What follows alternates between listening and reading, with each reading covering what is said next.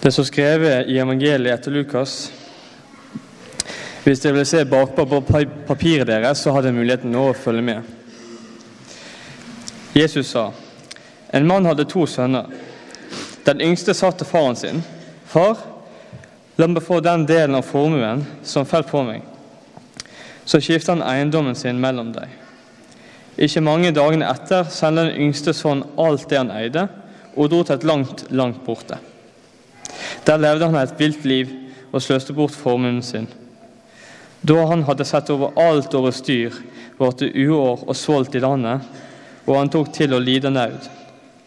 Han gikk da til en av mennene der i landet og ba om arbeid, og mannen sendte han ut på markene sine for å gjete grisene.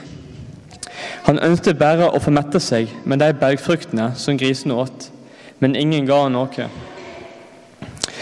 Da gikk han i seg sjøl og sa, hvor mange leirkarer hjemme hos min far har ikke fylt opp av mat, og her går jeg og svelter i hjel?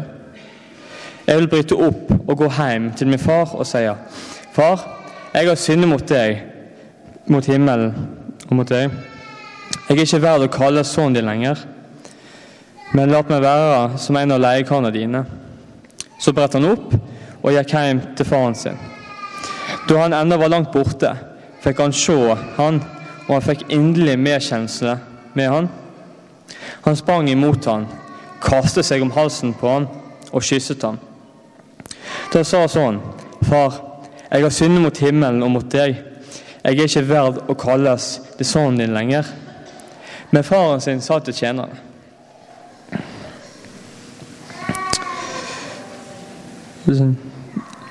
Skund dykk, finn fram de beste klærne og ha deg på han, og la deg få ring på fingeren og sko på føttene.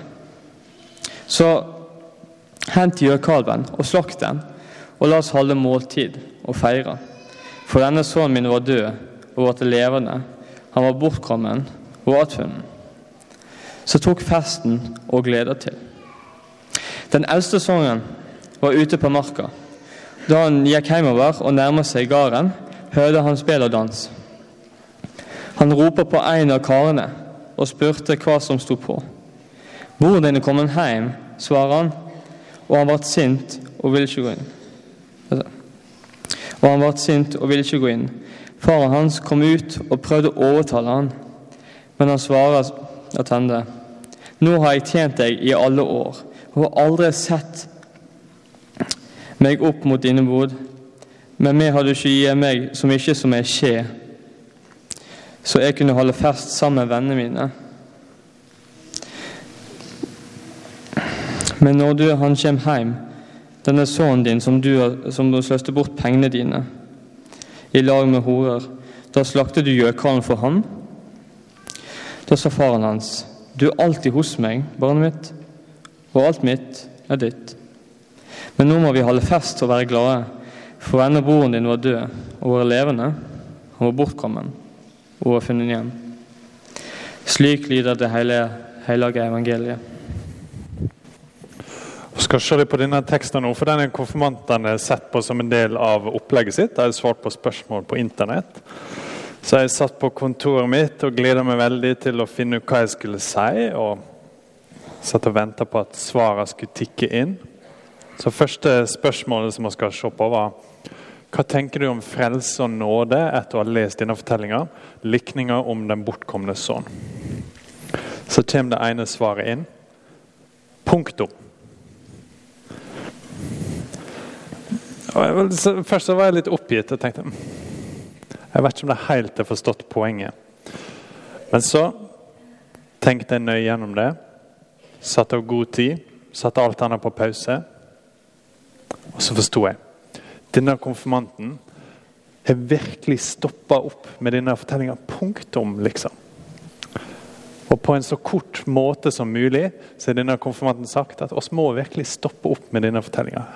Sett et punktum her, på en måte. Så det syns jeg skal gjøre, og skal se litt på denne fortellinga nå.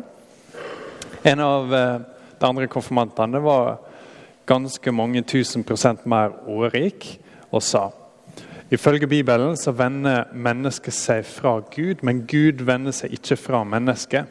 Jeg tolker det dit at Gud vil ta imot mennesket med åpne armer når det vender seg mot han og ber om frelse.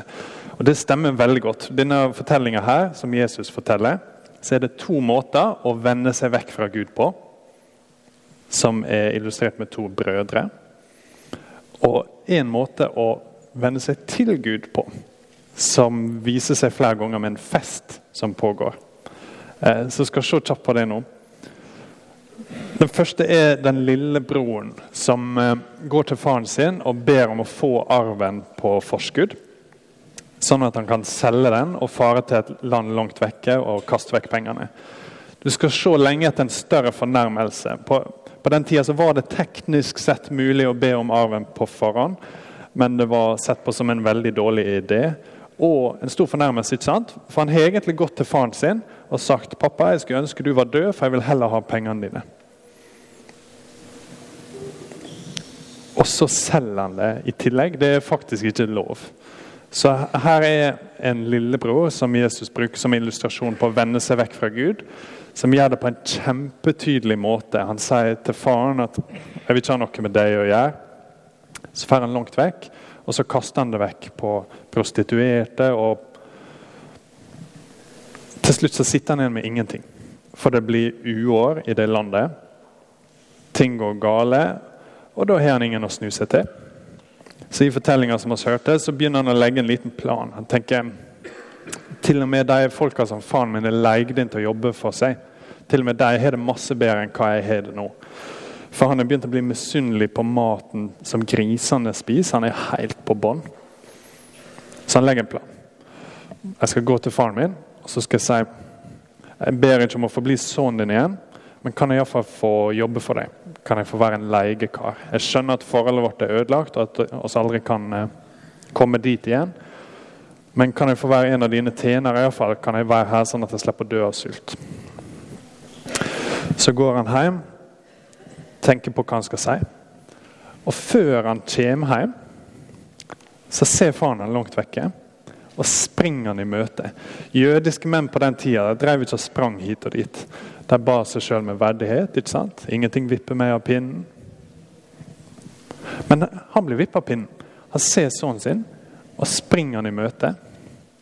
Og lister opp masse ting som for oss virker litt rare. Han sier 'hent ringen', 'hent klærne' og uh, 'gi han sko på føttene'. Sønnen hadde forstått veldig godt hva han mener med det.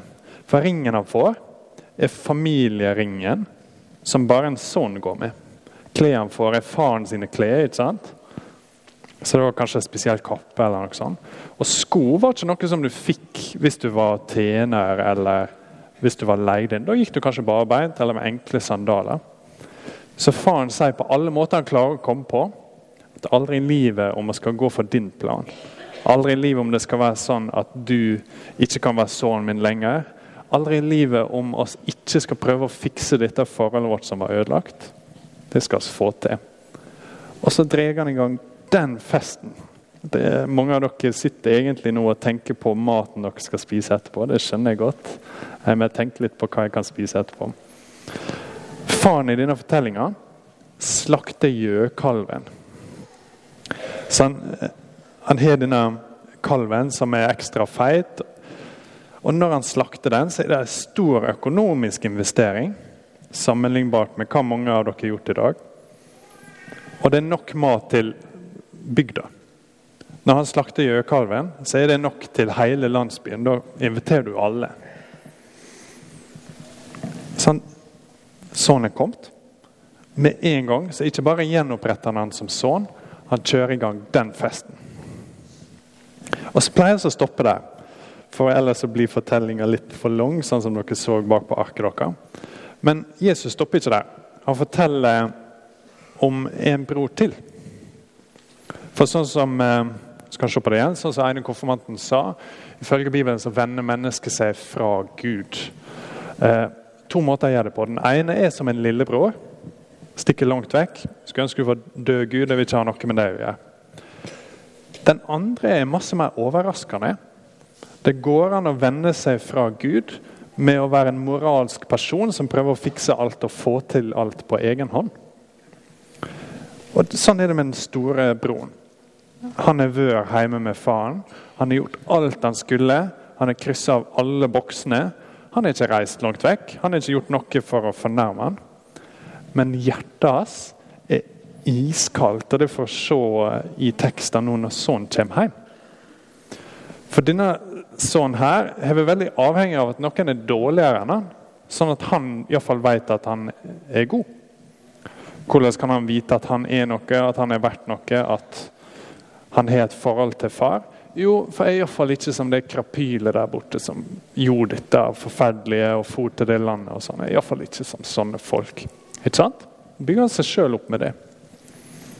Men det viser seg at han bryr ikke seg om faren i det hele tatt. Nå når sønnen kommer hjem, kan se på det vers 28 hvis dere vil, så blir han sint, og han nekter å gå inn til festen. Så kommer faren hans ut og prøver å overtale han. Og så begynner han å liste opp i vers 29. Nå har jeg tjent deg i alle år og aldri sett meg opp mot dine bud, men meg har du ikke gjeve så mye som et kje. Det er blank løgn. Det er litt teit egentlig å si at du har aldri gitt meg noe, når faren har gitt han to tredjedeler av arven. Det var ikke sånn at lillebror fikk mest. Storebror fikk to tredjedeler av arven.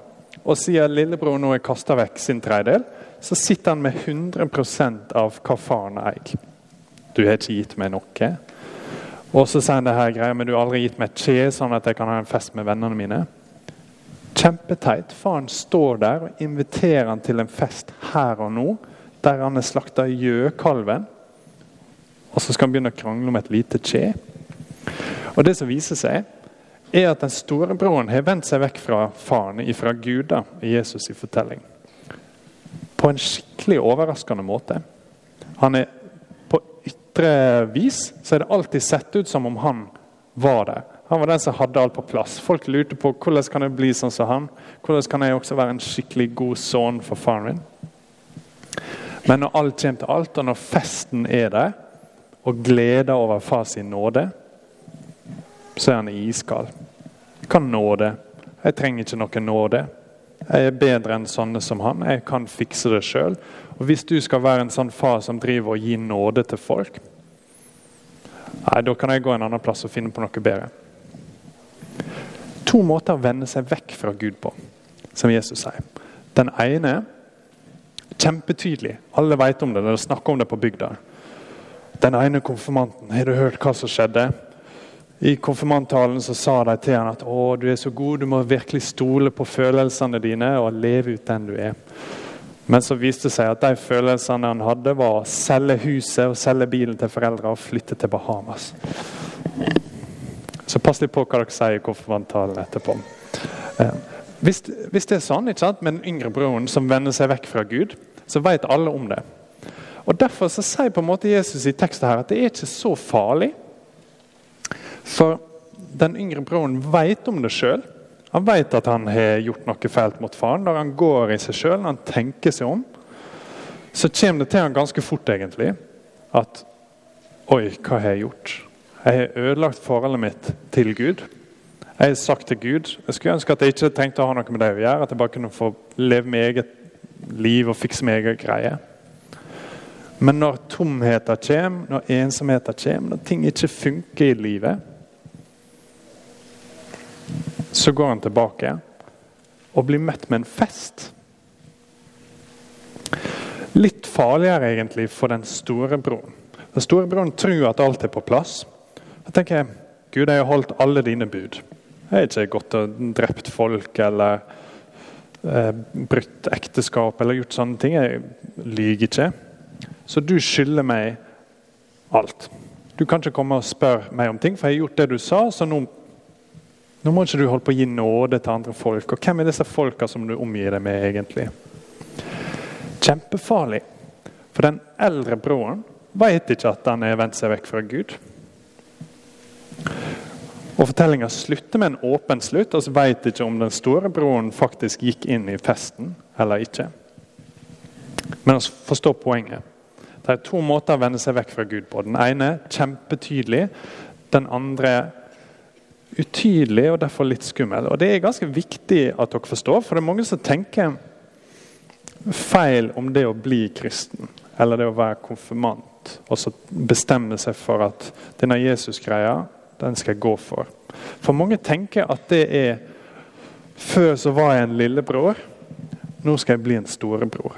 Før så brydde jeg ikke meg om Guds bud. Nå skal jeg holde alle buda om jeg så dør. Det er ikke Jesus sitt poeng her. Den store broren heller alle buda, og han har vendt seg vekk fra Gud. Jesus er mer interessert i hjertet. Han er interessert i hvem er det her som faktisk ønsker den relasjonen med far. Hvem er det som ikke holder seg på avstand, enten om de er et land langt vekke, eller om de er i huset fortsatt? Hvem er det som kommer til Gud, søker nåde og får festen?